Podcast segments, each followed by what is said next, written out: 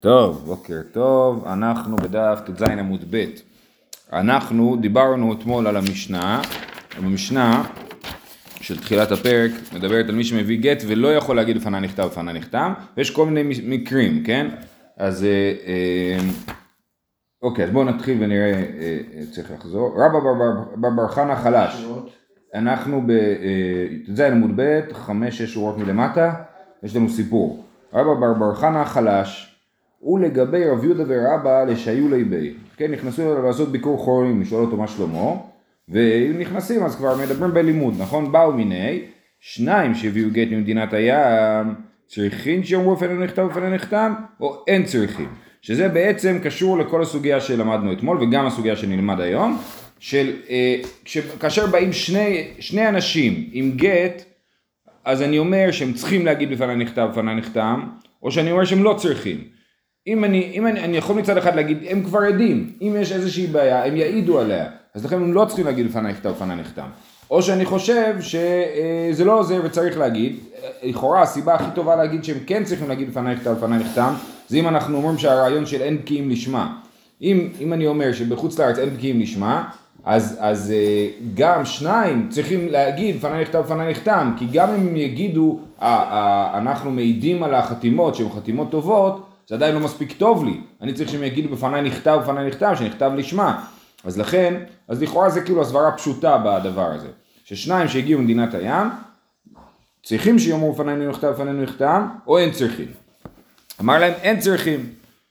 מה אילו יאמרו בפנינו גרשה מי לא מהמני? אומר, הוא אומר, רבא בר חנא מציע נימוק אחר לגמרי, הוא אומר, הרי אם יגיעו שני אנשים בלי גט, ויגידו הבעל גירש אותה. יעידו שהבעל גירש אותה. אז, אז, אז היא מגורשת, כן? הם יספרו סיפור, יחקרו אותם, ו, ו, ואז היא תהיה מגורשת. אז כיוון שיש להם כוח להגיד שהיא מגורשת, אז גם אם הם באים עם גט, אנחנו אומרים שהיא מגורשת. הבית דין לא צריך לראות גט? לא. שני עדים שמעידים, אנחנו ראינו את הגט, זה מספיק טוב מבחינת בית הדין. אמ, מה אילו אמרו בפנינו גרשה מי לא מהמנה? עד דאחי, המשך הסיפור, לא כל כך קשור להתחלה, עד דאחי אתי חברה שקלה לשרגא מקמיו. חברה זה פרסי. אה, תכף נדבר יותר בהרחבה. עכשיו תסתכלו בשטיינזלס, תגידו לי אם הנוסח הוא אה, אחר. אה, שק... מה? עתה הוא חברה שקלה לשרגא מקמיו, אמר, אמר רחמנה או בתולך או בתולה דבר עשיו. אומר רבא בר חנא שרבי בר חנא הוא היה במקור מארץ ישראל, הוא הסתובב הרבה, כן, יש לנו גם את כל הסיפורים על המסעות רבי בר חנא, כן, אבל הוא היה מארץ ישראל וכרגע הוא בבבל, הוא, הוא חולה בבבל. אז הוא, אז הוא אומר, רחמנה, הקדוש ברוך הוא, הייתי מעדיף להיות או בצל שלך, או בצלע של בר עשיו. זאת אומרת, בצל של עשיו. זאת אומרת, אני מעדיף להיות תחת שלטון רומאי, ולא תחת שלטון פרסי. הפרסי בא ורש"י מסביר שיש לפרסיים חג שאסור לאף אחד להדליק אה, נרות חוץ מבבית עבודה זרה שלהם, כן? שיש אה, ההפעלה, כן, של כל העיר, חוץ מבמקום של העבודה זרה, אז הם ישבו עם נר, בא הפרסי ולקח להם את הנר. אה, הוא מדבר על זה ש... עשיו או עידון, לא יודע מה שאני קורא לזה, הם יותר. כן, בדיוק. אז הוא אומר, השלטון של רומי יותר טוב. אז הוא אומר, למימא דהרומאי מעלו מפרסאי, גם לכם כתוב הרומאי? כן. אוקיי. למימא דהרומאי מעלו מפרסאי, אה, אה, מה, להגיד שהשלטון הרומי יותר טוב מהשלטון הפרסי, ועתני רבי חייא, מאי דכתיב אלוהים מבין דרכה והוא ידע את מקומה, יודע הקדוש ברוך הוא בישראל שאין יכולים לקבל גזירת אדומיים, עמד והגלה אותם לבבל, כן? זאת אומרת רבי חייא אומר, אלוהים מבין דרכה, את דרכה אולי של השלטון, והוא ידע את מקומה, לשים את ישראל במקום, אז הוא ידע שהרומים הם כל כך קשים, לכן הוא הגלה אותם לבבל, בשביל שיהיו בבבל ולא, והרומים לא יגיעו לשם, כן? דרך אגב, לאורך הרבה מההיסטוריה של אה, אה, האימפריה הרומית, הם היו במלחמות מול הפרסיים, נכון. כן? היה ביניהם מאבקים גדולים. אז עמד והגלה אותם בבבל, אז מה מוכח מהדרשה הזאת? שרומי יותר קשים, כן? ישראל לא יכולים לקבל גזירת הרומיים. אז, אז אה, אומרת הגמרא לא קשיא, עמי קמי דנייתו חברי לבבל עד לבתר דעתו חברי לבבל. אז אני אגיד לכם מה רש"י הסביר ומה תוספות הסביר. רש"י מסביר שגלות בבל, כשהיו שם בבליים, 70 שנה. כן, כן. כשיש שם בבליים, לא 70 שנה, אפילו פחות מזה. כי בשלב מסוים זה התהפך להיות פרס. אז כשהיו שם בבליים הם היו סבבה, והפרסים הם היו על הפנים. אז הקדוש ברוך הוא הגלה אותם לבבל, אבל אחרי זה כשהגיעו פרס, פרס כבר היו פחות, סבל, פחות טובים מהבבלים. זה גם מסתדר, כי רבי חייא אומר שהוא הגלה אותם לבבל, נכון? הוא ידע שיהיה להם קשה עם אדום, אז הוא הגלה אותם לבבל. אה, מצד שני, תוספות מוכיח שחברי זה, זה בעצמו זה סוג של עם או דת שהשתלטה על פרס, כן? ואז הוא אומר לא, זה משהו שקרה בדור של רבי יוחנן בכלל, כן? זאת אומרת, משהו הרבה יותר מאוחר, לא מדובר על זה שהפרסים החליפו את הבבלים, אלא באמת בבבל היה סבבה, עד שהגיעו חברי לבבל, מי זה חברי? כל המהפכה חומני. כן, עד שהגיעו חברי איזושהי דת שהשתלטה על פרס, ואז נהיה שם קשה, אבל באופן כללי, כן? בית ראשון זה היה בבל. נכון. היה... גלות בבל הייתה, נכון, בסוף, בבל הגלו את ישראל לבבל, את יהודה לבבל, ואז פרס השתלטו על בבל, בזמן שישראל היו שם כאילו, אבל כן? שלטון פרסי יותר טוב, נוח ל... אז, אז זהו, אז מה שאתה אומר זה יותר מסתדר עם התוספות, כי התוספות אומר שלא, באמת הפרסים היו בסדר, ואנחנו רואים, יש הצהרת כורש, ובזמן אחשוורוש אז היה את הגזרות של המן, אבל אחרי זה כאילו מרדכי השתלט, אה, אה, אבל זה, כל זה היה בסדר עד שהגיע שלב מסוים שהגיעו חברי לבבל וזה החמיר את המצב. בסדר? אז זה, אה, לכן היו תקופות שונות. יאללה, נמשיך. אה, בפני, אוקיי, אומרת המשנה, אחד אומר בפניי נכתב ושניים אומרים בפנינו נחתם, כשר. כן, אז מגיעים שני אנשים עם הגט, אחד אומר בפניי נכתב, ושניים אחרים כנראה אומרים בפנינו נחתם, כן, שניים אחרים אומרים בפנינו נחתם. אמר רבי עמי. אז בעצם יש פה שני אנשים, מצד אחד יש פה שני אנשים, מצד שני אין אף אחד שיכול להגיד בפניי נכתב, בפניי נחתם, נכון? כי אחד אומר בפניי נכתב, ושניים אחרים אומרים בפנינו נחתם. אמר עמי אמר רבי יוחנן, לא שנו אלה שהגט יוצא מתחת יד עד כתיבה. דנעשו כשניים על זה וכשניים על זה. אם מי מביא את הגט? זה שמביא את הגט אומר בפניי נכתב, ושני עדים אחרים אומרים בפנינו נחתם. אז בעצם, הרי כשמי שאומר בפניי נכתב, בפניי נחתם, הוא כאילו שווה שניים, נכון? זה הקולה שאמרנו, שמי שמביא גט ואומר בפניי נכתב הוא כאילו שני עדים, אז, אז הוא כאילו שווה שניים, אז יש שני עדים על הכתיבה, ועוד שני עדים באמת, שבאים על החתימה, אז יש שניים על זה ויש שניים על זה. אז זה רק במקרה הזה. אבל אם הגט הוא לא ביד של זה שאומר שבפניי נכתב, אז זה פסול, כי אין, אין שניים על הכתיבה. אה, אז לא שנו אלא שהגט יוצא מתחת יד אל הכתיבה. דנעשו כשניים על זה וכשניים על זה. אבל מתחת ידי ידי חתימה פסול. אומרת הגמרא על זה, עלמא כסבר, שניים שהביאו גט ממדינת הים, צריכין שיאמרו בפנינו נכתב, בפנינו נחתם. כן, אתה רואה שיש פה הקפדה, שיהיה לנו שני עדים על הכתיבה ושני עדים על החתימה. הרי לכאורה, אם אני, אה, אה, לכאורה אני יכול להגיד, מספיק לי... אני יכול להגיד, כן, יש הוכחה, למה? כי הייתי יכול להגיד שמספיק לי שני עדים על החתימה וזהו, נכון? שני עדים שיכולים לקיים את השטר זה לכאורה מספיק, אבל אני דורש לא, בכל זאת, למרות שיש לי שני עדים על החתימה, עדיין אני צריך עד אחד על הכתיבה ואני צריך שהוא יהיה זה שמביא את הגט בשביל שהוא ייחשב כשניים, כן?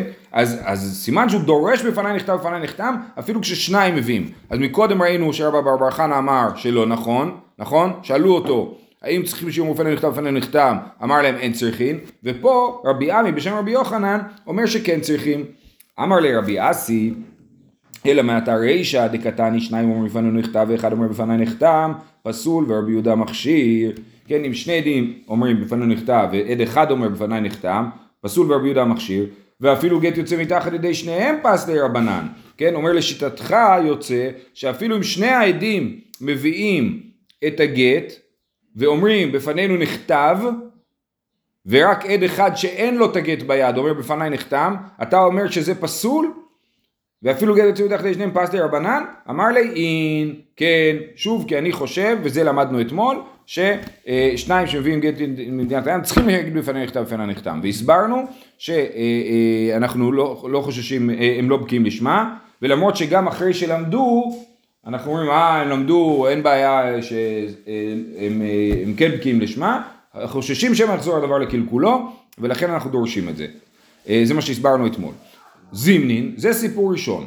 אחרי זה עבר איזה זמן, אשכחי דייתיב וכאמר, רבי, הרי הסיפור הראשון קודם היה רבי עמי אמר בשם רבי יוחנן משהו, רבי אסי פגש אותו שאל אותו שאלה.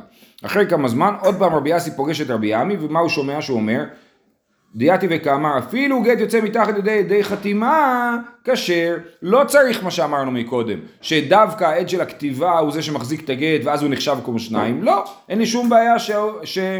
שהגט מגיע עם הידיים של ידי חתימה עלמא כסבר, שניים שהביאו גט ממדינת הים, אין צריכו שאומר בפנינו נכתב בפנינו נחתם. כי ההוא שאומר בפניי נכתב, הוא לא זה שמביא את הגט, ממילא האמירה שלו היא חסרת משמעות, אז סימן שלא צריך להגיד בפניי נכתב בפניי נחתם. אמר לרבי אסי, אלא מעתה רישא, עוד פעם הוא שואל אותו מהרישא. דקתני, שניים אומרים בפנינו נכתב ואחד אומר בפניי נחתם פסול, ורבי יהודה מכשיר. תמה דאין הגט יוצא מתחת ידי שניהם, הגט יוצא מתחת ידי שניהם מכשיר רבנן, כן?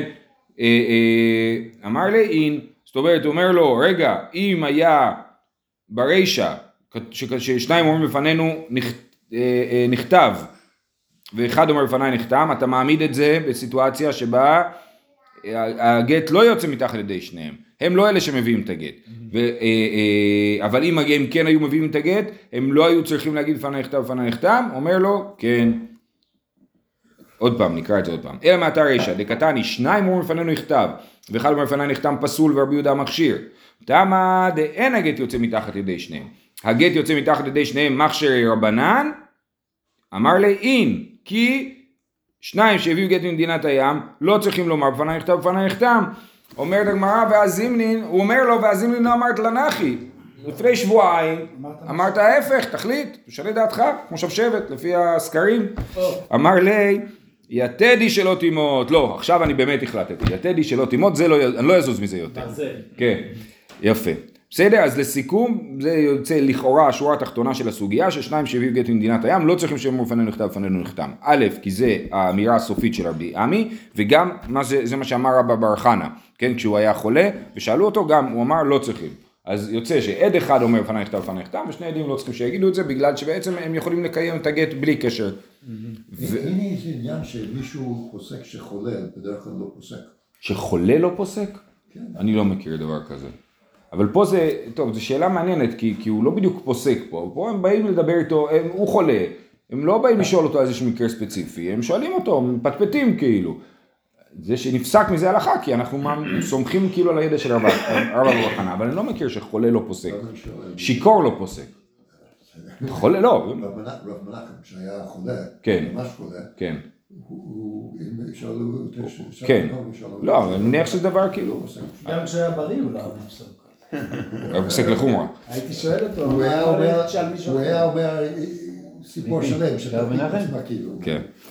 כן, וייטר, אומרת המשנה, נכתב ביום ונחתם ביום, או בלילה ונחתם בלילה, או בלילה ונחתם ביום כשר. על הגט כותבים תאריך, נכון? כותבים את התאריך, ואחרי זה חותמים. אם אני כותב אותו בשמונה בבוקר ומחתים את העדים בתשע בבוקר, סבבה, התאריך והחתימה הם על אותו זמן. אם זה ב- בלי, בלילה ובלילה, גם זה סבבה. אם זה בלילה וביום זה גם בסדר. כתבתי את הגט בשמונה בלילה, או עשר בלילה, ומחתים את העדים בבוקר. זה גם בסדר. מה לא בסדר? ביום ונחתם בלילה פסול. לפני השקיעה אני כותב את הגט, ומחתים את העדים אחרי השקיעה. זה כמו בחופות, שתמיד דואגים שזה לא יקרה בדיוק על השקיעה. נכון? מה הבעיה בזה? יש לנו בעיה שהשטר הוא שטר מוקדם. מה זה אומר שטר מוקדם? כיוון שמה שנותן תוקף לשטר, לגט, זה החתימה, כן? טוב, זו מחלוקת באמת, אבל אה, אה, אה, רק החתימה גורמת, עכשיו יש לי גט שלם, כן? והתאריך של החתימה, שכתוב על הגט, הוא לא התאריך של החתימה, נכון? כי הם, כי הם כתבו את הגט באלף כסלו, וחתמו עליו בבית כסלו, אז, אז, אז זה לא אמת, אז הגט הזה הוא שטר פסול, כי שטרות המוקדמים פסולים. למה שטרות המוקדמים פסולים? כי שאי אפשר... אה, נכון, כי מה עושים, עכשיו זה לא מדברים על גיטים, אנחנו מדברים על שטרות אחרים. שטרות אחרים, הם, אה, אה, מה עושים עם שטר? אה, גובים, גובים, גובים נכסים. אני אה, חייב כסף למישהו, יש לו שטר שאומר שאני חייב לו, אני, ו, ואני לא משלם לו, אז הוא יכול לגבות קרקעות. עכשיו, מה יקרה אם אני מכרתי את הקרקעות? הוא יכול לגבות אותם גם ממי שמכרתי לו, אבל זה בתנאי שהמכירה של הקרקע היא הייתה אחרי החוב, אחרי השטר. אז הוא יכול לגבות, כי השטר קדם למכירה. ואם השט- המכירה קדמה לשטר, הוא לא יכול לגבות מהקרקע. ולכן מאוד מאוד חשוב התאריך שכתוב על השטר. ושטר מוקדם הוא פסול. אם אני כותב שטר מוקדם, אני יושב ואומר, בוא נעשה שטר, אה, שאני חייב לך כסף, אבל בוא נעשה שזה לפני חודשיים. נכתוב את התאריך לפני חודשיים. וזה דרך לעשות כסף. למה, איך אפשר לעשות כסף ככה? אני אמכור שדה, אחרי זה אני אכתוב. עכשיו, ההוא שקנה, הוא פיתח את עצמו, בדק טוב טוב, שאני לא חייב כסף לאף אחד, ואז הוא קנה את השדה. אחרי זה אני עושה קנוניה עם מישהו, אני אומר לו בוא אני אכתוב לך שטר חוב, אתה ת... נכתוב את זה כאילו בתאריך מוקדם יותר, נכון? לפני המכירה של השדה, אתה תלך תגבה את השדה ונתחלק בכסף. אה, אה, אז לכן שטרות המוקדמים פסולים, כן? כדי שלא יבואו לעשות קנוניות כאלה. נגיד שיש מקרה שאנשים, מישהו ירווה כסף למישהו, כן. לא כתבו. באיזשהו שלב אומרים, אתה יודע מה, יותר טוב שנכתוב שיהיה. אי אפשר, לכת- ה- ה- אי- השעבוד חל רק מרגע כתיבת השטר ולא מרגע ההלוואה. נו, אז הם כותבים, אבל כותבים התאריך שהוא ממש... לא, לא, לא. הת- השעבוד חל מכתיבת השטר, ולכן אי אפשר לכתוב את זה אחורה. שוב, כי אם מישהו, מכר- אם הוא בינתיים מכר שדה, אז הרעיון הוא שאנחנו אומרים שלשטרות יש קול. אנשים יודעים שנכתב שטר, אם אין, לא נכתב שטר, הם לא יודעים, אז הם, לא, אז הם בודקים אם נכתב שטר או לא. טוב, אז, אז זה הרעיון ששטרות המוקדמים פסולים. אנחנו משליכים את זה על גט, אנחנו אומרים גם שטר מוקדם, גם גט מוקדם הוא פסול. למרות שאין לו כאילו נפקא מינה לכאורה בדבר הזה. כי uh, לכאורה הגט הוא לא, תכף נראה שזה לא בדיוק ככה, אבל לכאורה הגט הוא לא שטר של חוב, הוא שטר של גירושין. אז מה אכפת לי אם הוא מוקדם ביום, זה לא משנה, כן? בכל... והאישה לא יכולה ל... לגבות. אז תכף נראה באמת. אה, אה, אה, אבל תנא קמא אומר שמוקדם פסול. רבי שמעון מכשיר, שהיה רבי שמעון אומר, כל הגיטים שנכתבו ביום ונחתמו בלילה פסולים חוץ מגיטי נשים. כי כמו שאמרנו, באמת לגט אין שום נפקא מינה ולכן זה אה, אה, לא, לא פוסל את השטר. אבל הגט כן צריך לגבות ממנו. לא, גובים, נכון, גובים, טוב, תכף נראה את זה בגמרא, כן? אה, אומרת הגמרא, איתמר, מפני מה תקנו זמן בגיטין? זה מחלוקת מאוד חשובה. למה בכלל צריך תאריך על הגט? נעשה גט בלי תאריך. אה, רבי יוחנן אומר, משום בת אחותו. מה הסיפור פה? בת אחותו זה אדם שהיה נשוי לאחיינית שלו. זה היה דבר אה, מקובל, כן? אז הוא היה נשוי לאחיינית שלו. עכשיו מה ההבדל בין אדם שנשוי לאחיינית שלו שאדם שנשוי לאישה שהיא לא אחיינית שלו? שאדם שנשוי לאחיינית שלו יש לו קשר אליה, גם הוא מחליט להתגרש ממנה, כן? הוא לא... הוא אח של אבא שלה. של אבא של האמא בדיוק, כן? אז, אז הוא, אז יש לו רחמים עליה, יש לו יחסים אליה, גם, גם אם הם מתגרשים. אז הוא עכשיו היה נשוי לבת אחותו, ואז מאשימים אותה שהיא זנתה. לוקחים אותה לבית דין, הולכים להרוג אותה, שהיא זנתה. אז הוא מהר, הוא כותב גט, בלי תאריך. כותב לה גט, בלי תאריך, ומביא לה, והיא אומרת, הנה, הייתי גרושה כשזה קרה, אז לא מגיע לי עונש, על ה, על ה, על ה, זה לא זנות, כאילו, אני לא אשת איש. לכן תקנו שיש זמן בגט שאי אפשר יהיה לעשות אה, תרגיל כזה, כן? שאישה לא תחשוב שהיא יכולה לעשות תרגילים ו- ו- ולא להיענש. אה, אז, אז רבי יוחנן אמר משום בת אחותו. ריש לקיש אמר משום פירות. ריש לקיש אמר לא, הסיבה שכותבים תאריך בגט, זה כמו שאמרת מקודם, כי גם בגט יש איזושהי גבייה של כסף. מה הגבייה של הכסף? לכאורה גובים עם הכתובה, כן? לא עם הגט. אבל אה, אה, יש לנו, לאישה יש נכסי מילוג, למדנו על זה במסכת כתובות. נכסי מילוג זה נכסים שהקרקע שייכת לאישה והפירות שייכים לבעל. מהרגע שמתגרשים, אז הפירות שייכים לאישה, כן? עכשיו, נגיד שהם התגרשו בדיוק באמצע שיא העונה של המשמישים, כן? אז זה, אה, אה, אז אה, כל ה... בדיוק אתמול ראיתי מישמישים בסופר, זה התחילה העונה. אז, אז עכשיו, כל הפירות שהם כתבו עד הגירושין שייכים לבעל, כל הפירות שכתבו אחרי הגירושין שייכים לאישה. אז לכן צריך תאריך על הגט, שהיא תוכל לבוא ולהגיד, הנה, מהיום הזה היבול שלי. אוקיי? אז זה המחלוקת של רבי יוחנן וריש לקיש. רבי יוחנן אמר משום בת אחותו, ריש לקיש אמר משום פירות. ריש לקיש מאיתיימה לא אמר כרבי יוחנן, למה הוא לא מקבל את הטיעון של רבי יוחנן? אמר לך, זנות לא שכיחה, מה אתה מתחיל? להמציא לי, אה, זה לא דבר שכיח, זה לא, כיוון שזה לא שכיח, לא היה סיבה לחכמים לתקן תאריך בגט רק בשביל למנוע את הסיטואציה הרחוקה הזאת. זה, לכן יש לקיש לא אמר כמו רבי יוחנן. רבי יוחנן, מה- הוא חושב שכן? מה, רבי יוחנן חושב שכן? הוא לא מסכים עם ריש לקיש, אז הוא חייב להגיד את הנימוק הזה. ורבי יוחנן, מה איתה מה לא אמר כריש לקיש? כסבר, יש לבעל פירות עד שעת נתינה. אומר רבי יוחנן, מה אכפת לי מה הזמן שכתוב על הגט? מתי הפירות מפסיקים להיות שייכים לבעל ועוברים להיות שייכים לאישה? לא מהרגע שנכתב הגט, גם לא מהרגע שנחתם הגט, אלא רק מהרגע שהבעל נתן את הגט לאשתו. יכול להיות שהוא הכין גט ועדיין התלבט אם לתת לה או לא, נכון? הוא אמר, "הוא, בוא נבדוק, ננסה שלום בית, כן? הלכו לייעוץ זוגי, לא עבד, הוציא את הגט מהכיס, נתן לה, כן? מה המשמעות של התהליך הזה? אז יפה, לכן הוא אומר, התאריך על הגט, המטרה שלו זה למנוע זנות של בת אחותו, אבל הפירות שייכים לבעל עד נתינת הגט. אבל בעניינים של הזנות, בכל מקרה, הם לא מגורשים עד שהוא זה נמסר. נכון, אז למה זה... כן, אבל אי אפשר יהיה לעשות קומבינה אחר כך. ברגע שהחלטתי שיש תאריך, תאריך לגט, אני לא יכול עכשיו, ואסור לעשות תאריך מוקדם יותר, כן? אז אני לא יכול עכשיו לייצר אה, אה, פיקציה. אם הייתי אומר אין תאריכים על גיטים, כן? אז, אז ברגע שהיו מאשימים אותה בזנות, הבעל היה כותב גט לאשתו בלי תאריך, ואז, ואז היו אומרים אה הייתה מגורשת. אבל פה אם אתה אומר שיש תאריך על הגט, אז היא מואשמת בזנות, אחרי זה הבעל כותב גט, הוא לא יכול לכתוב גט עם תאריך מוקדם יותר, כן? כי זה פסול, כן? אף אחד לא יסכים לכתוב לו את הגט הזה. כן. אמ, אז, אז אה, אוקיי, אז שוב, למה רבי יוחנן מסכים עם ריש לקיש? כי הוא אומר, זה לא נכון, התאריך על הגט הוא לא... אי הוא- אפשר היה לתקן שאם אישה זונה, אז... אה, אי אפשר לכתוב לה גט. כן? זה לא הגיוני, כי- כי בעל רוצה לגרש את אשתו אם היא זונה. או שבאופן אוטומטי היא, היא- בלי, בלי, היא- לא, יש שתי דרכים האישה קונה את עצמה בשתי דרכים, נכון? ואז גם, מה שאתה אומר זה שאישה שנמאס לה מבעלה, תזנה. כן, אבל ככה זה מציל אותה ואת הילדים שאחר כך... כן, כן. אה, טוב, אז, אז אה, עוד פעם, אז, אז אה, רבי יוחנן לא אמר קרש לקיש, כי הוא חושב שזה לא נכון, שהתאריך שעל הגט לא משפיע על שאלת הפירות, ולכן לא יכול להיות שזה קשור לזה. אז לכן הוא אמר את הרעיון של בת אחותו. אומרת הגמרא, בישלמה לריש לקיש, משום הכי כמכשיר רבי שמעון, אלא לרבי יוחנן מייתמא דרבי שמעון דמכשיר. טוב, עכשיו, בהמשך, בעמוד הבא, הגמרא תסביר את שיטת רבי שמעון. רבי שמעון אמר שבגיטים אה, לא אכפת לו שהתאריך מוקדם, זה לא פוסל את הגט, נכון?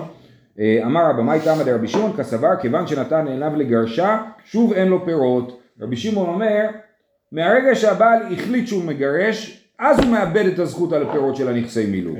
ולכן, גם אם הוא כתב את הגט באלף כסלו וחתם עליו רק בבית כסלו, עדיין הפירות שייכים לאישה, כבר מאלף כסף. בדיוק, ולכן התאריך הוא לא תאריך, הוא תאריך נכון, הוא לא תאריך לא נכון, איך יודעים שהוא החליט? כי הוא כתב את ביום- הגט, ביום ולא בלילה. כי הוא כתב את הגט, ברגע שהוא כתב את הגט אז הוא, אז הוא החליט, הוא הכין את הגט, ואז היה קשה לו להביא לה, אז לקח לו קצת זמן. כן. ש- גם יכול להיות, כן. עכשיו, אה, אה, אנחנו עוד נדבר על שיטת רבי שמעון, בכל אופן. בישלמה לריש לקיש שאומר שהדין הוא דין של פירות, אז אנחנו מבינים מה המחלוקת בין רבי שמעון לרבנן. רבנן אומרים שזה משעת החתימה, ולכן אה, חשוב לי שהתאריך יהיה התאריך של החתימה, ורבי שמעון אומר שהתאריך הוא התאריך של הכתיבה, ולכן לא אכפת לו שהחתימה תבוא מאוחר יותר, כן? אבל לרבי יוחנן, מייתמא דרבי שמעון דמכשיר, כן? שהוא מכשיר גט שהזמן שלו מוקדם, אה, עדיין אפשר לעשות את הפיקציה של הזנות, כן? אם, אני, אם מותר לכתוב גיטים מוקדמים, אז אפשר לעשות את, את הדבר הזה. אמר לך רבי יוחנן, אליבא דרבי שמעון, לא כאמינא, כי כאמינא אליבא דרבנן, רבי יוחנן אומר, אני לא הסברתי את שיטת רבי שמעון. באמת זאת המחלוקת. מה המחלוקת? לפי רבי שמעון הסיבה שכותבים גט זה בגלל הפירות, ולכן לא אכפת לו שזה מוקדם, כי זה משעת הכתיבה, ולפי אה, רבנן, הסיבה שכותבים גט זה משום בת אחותו. זאת המחלוקת שלהם. אומרת הגמרא, יפה, מצוין, כל כך שכנעת אותנו. בישלמה לרבי יוחנן, היינו דאיכא בין רבי שמעון לרבנן. זאת המחלוקת שלהם. אלא רבי שמעון, מה המחלוקת של רבנן ורבי שמעון? מה איכא בין רבי שמעון לרבנן? פיירי דמשעת כתיבה ועד שעת חתימה איכא בניו, המחלוקת שלהם היא, אלא לריש לקיש. אלא, סליחה, אבל לא קראתי, רבי בטעות. לא לא קראתי, סליחה, עכשיו עוד פעם, בישלמה לרבי יוחנן. בישלמה לרבי יוחנן היינו דאיכא בין רבי, הוא חד היום, בין רבי שמעון לרבנן, אל לריש לקיש, מה איכא בין רבי שמעון לרבנן, פרי דמשעת כתיבה ועד שעת חתימה איכא בניו, אז המחלוקת שלהם היא ממתי הפירות שייכים לאישה. לפי רבי שמעון זה משעת הכתיבה, ולכן לא אכפת לו שהחתימה באה מאוחר יותר, ולפי רבנן זה משעת החתימה, ולכן כן אכפת להם שהתאריך שמופיע על הגט יהיה התאריך של החתימה. אה, אומרת הגמרא, רגע רגע, כל הסיפור הזה עם רבי יוחנן ריש לקיש לא מסתדר, והאיפכא שמינן לו, דאיתמר, ממתי מוציאים לפירות, רבי יוחנן אמר משעת כתיבה וריש לקיש אמר משעת נתינה. זה הפוך לגמרי, רבי יוחנן מה הוא טען? הוא טען למה אין קשר בין התאריך לבין הפירות? כי בכלל התאריך, הפירות שייכים לגבר עד שהוא נותן את הגט, נכון? אז אם, אה, אם אה, אוקיי? ו- וריש לקיש אמר לא, זה קשור לכתיבה ולחתימה, לפי רבי שמעון ולפי רבנן. אז, אז, אה, אז, ופה בברייתא כתוב ההפך, שרבי יוחנן אמר בשעת כתיבה וריש לקיש אמר בשעת נתינת הגט. אומרת הגמרא, היפוך, חייבים להפוך את המימרה הזאת. המימרה הזאת היא לא נכונה, היא הפוכה. נכון? וצריך להיות ממתי מוצאים לפירות, רבי יוחנן אמר משעת נתינה, ויש לקיש אמר משעת כתיבה. וכשהוא אמר משעת כתיבה, הוא התכוון משעת חתימה, לפי רבנן, כן? שזה חתימה ולא כתיבה. אה, התלמידים לא שמעו אותם? הם אה, לא, הם אה, לא זכרו טוב. זהו. עכשיו קושייה על הסיפור הזה. אמר לאבר לרב יוסף, ג' גיטים פסולים ואם נישאת הוולד כשר. מה הועילו חכמים בתקנתן? יש שלוש גיטין, זה משנה בפרק האחרון, שלוש גיטין שהם, הגיטי, הגט הוא גט פסול, אבל אם זה הגט שיש לה, והתחתנה בדיעבד, כאילו התחתנה, היה אסור לה להתחתן, כי זה גט פסול, אבל התחתנה בכל זאת, הוולד הוא לא ממזר, כי באמת באמת בסופו של דבר הגט הזה הוא גט כשר, כן? זאת אומרת מדאורייתא הוא כשר, רבנן אמרו שהוא פסול, אבל הם אמרו אנחנו לא נתעקש, אם היא התחתנה עם זה, אז הילד לא ממזר. אחד הגיטים האלה שמופיע זה גט בלי תאריך, כן? אז גט בלי תאריך הוא גט פסול ואם נישאת הוולד כשר. אה, אם ככה, מה הועיל לחכמים בתקנתם? אם בסופו של דבר יכולה להתחתן עם גט בלי, בלי תאריך, אז, אז סבבה שתיקנתם שיהיה תאריך, אבל פשוט לא נעשה תאריך. בין לרבי יוחנן, בין לריש לקיש, כאילו זה לא עובד. התאריך, כן. גם ראינו בהתחלה שאמרו, מפני מה תקנו זמן בגט, תקנו זה חכמים. אז הוא אומר, אמר לאביי לרב יוסף, ג' גיטים פסולים ונישאת הוולד כשר, מה הועילו חכמים בתקנתם? אומרת הגמרא, אהנו, זה לכתחילה לא תינשא. הם הועילו שלכתחילה היא לא תינשא, שאף אחד לא, כאילו, היא לא יכולה להתחתן לכתחילה, אז אף אחד לא ירצה להתחתן איתה, או אף אחד לא ירצה לחתן אותה, כן? ולכן זה, זה כן יתקע אותה, זה, היא לא תסכים לקבל גט בלי תאריך, ולכן אה, אה, אה, לכן זה כן מועיל. זאת אומרת, לפעמים מספיק שהסנקציה שלי תהיה רק ברמת הלכתחילה בשביל לייצר מציאות. לפעמים אני לא צריך גם להעניש בדיעבד, כאילו. העניין של- שהיא מסכימה לקבל הגט. ואני זוכר שהיה דיונים כשמוספים גט, לא צריך ממש... נכון, נכון, נכון, לא נכון, אני, נכון. נכון. היום צריך הסכמה של האישה, כי רבנו גרשום... כן, אבל זה לא... אתה, צודק, אתה צודק. אז, אז אה, אה, עדיין, לכתחילה לא תינשא, זאת אומרת, המערכת היא כזאת, אה, אה, שוב, המערכת הלכתחילה היא מספיק טובה בשבילי. זאת אומרת, זה שלכתחילה היא לא תינשא, זה יגרום לכך שלגיטים יהיה תאריך. ואם לגיטים יהיה תאריך, אז ממילא אה, אנחנו השגנו את מה שרצינו. בין אם זה משום בת אחותו, בין אם זה משום פירות, באופן כללי יהיה לגיטים תאריך. אומרת הגמרא, גזיה לזמן דידי ויהווה נעלה, מאי. והיא לא רק זה, גם הסופר, הוא כותב עם תאריך.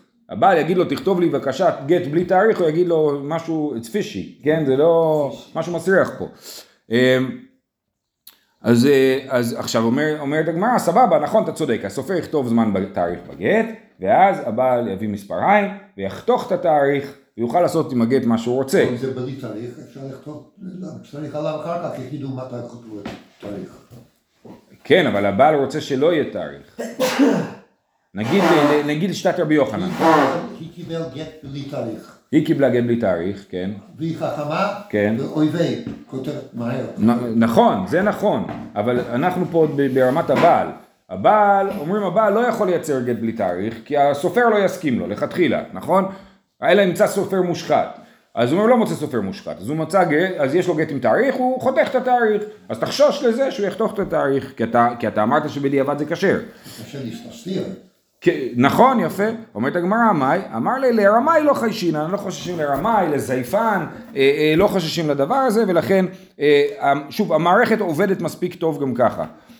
כתוב בו שבוע, שנה, חודש, שבת, מאי, כן? אם בגט לא כתוב היום, אלא כתוב שבוע, שנה, חודש, שבת. שבוע זה איזה מחזור של שמיטה אנחנו נמצאים. מחזור ראשון ליובל, מחזור שני ליובל וכדומה. שנה זה שנה, חודש זה חודש ושבת זה שבוע, הוא לא כותב יום. הוא כותב עוד אחד מכל הדברים האלה. אמר לי כשר, אומר לו מה הועילו חכמים בתקנתן, אם כתוב רק את השבוע או רק את השנה, אה, אז אין זמן. שנייה רגע רגע, כן, אה, אה, אז, אז הזמן הזה הוא חסר משמעות, מה הועילו חכמים בתקנתן? אומר לו אנו, לשבוע דקמי ולשבוע דבטרי, זה כן מועיל, זה מועיל כי בסופו של דבר יש שבוע שלפני והשבוע שאחרי. אנחנו יודעים באיזה שבוע זה, אז זה כן נותן לנו איזה שהם גבולות. לפעמים הגבולות האלה הם לא רלוונטיים, כן? אבל אה, זה כן אה, מועיל במידה מסוימת, ולכן זה, הועילו חכמים בתקנתם. אה, דאילו תימא אחי יום הגופי מידין אני מצפר מפניה הרי גם כשכתוב לי יום ולא כתוב לי שעה אני לא יודע אם זה היה בבוקר או בצהריים ויכל לקרות משהו בבוקר לפני שכתבתי את הגט אז אתה רואה שיום מספיק טוב ולא צריך לכתוב שעה אז גם שבוע הוא מספיק טוב ולא צריך לכתוב יום. אה, מה זה לא צריך? צריך לכתוב יום, אבל אם לא כתבו יום זה כשר. הכי נמי אני לשבוע דקאמי לשבוע בדבטר זהו, שבת שלום.